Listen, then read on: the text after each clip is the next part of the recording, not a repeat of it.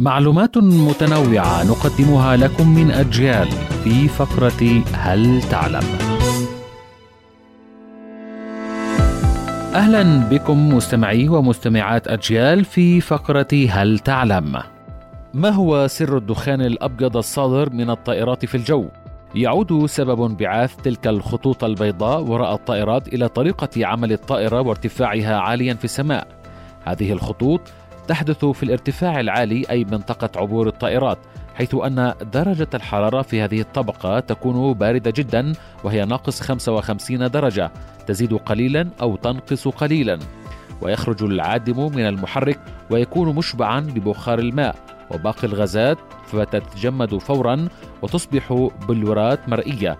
وفي هذه الحالة يمكن أن نراها بالعين وتشبه تماما تلك الانبعاثات التي تحدث عندما يتنفس الإنسان في الطقس البارد وليس لها أي علاقة بنوع الطائرة أو نوع الوقود كما يعتقد البعض.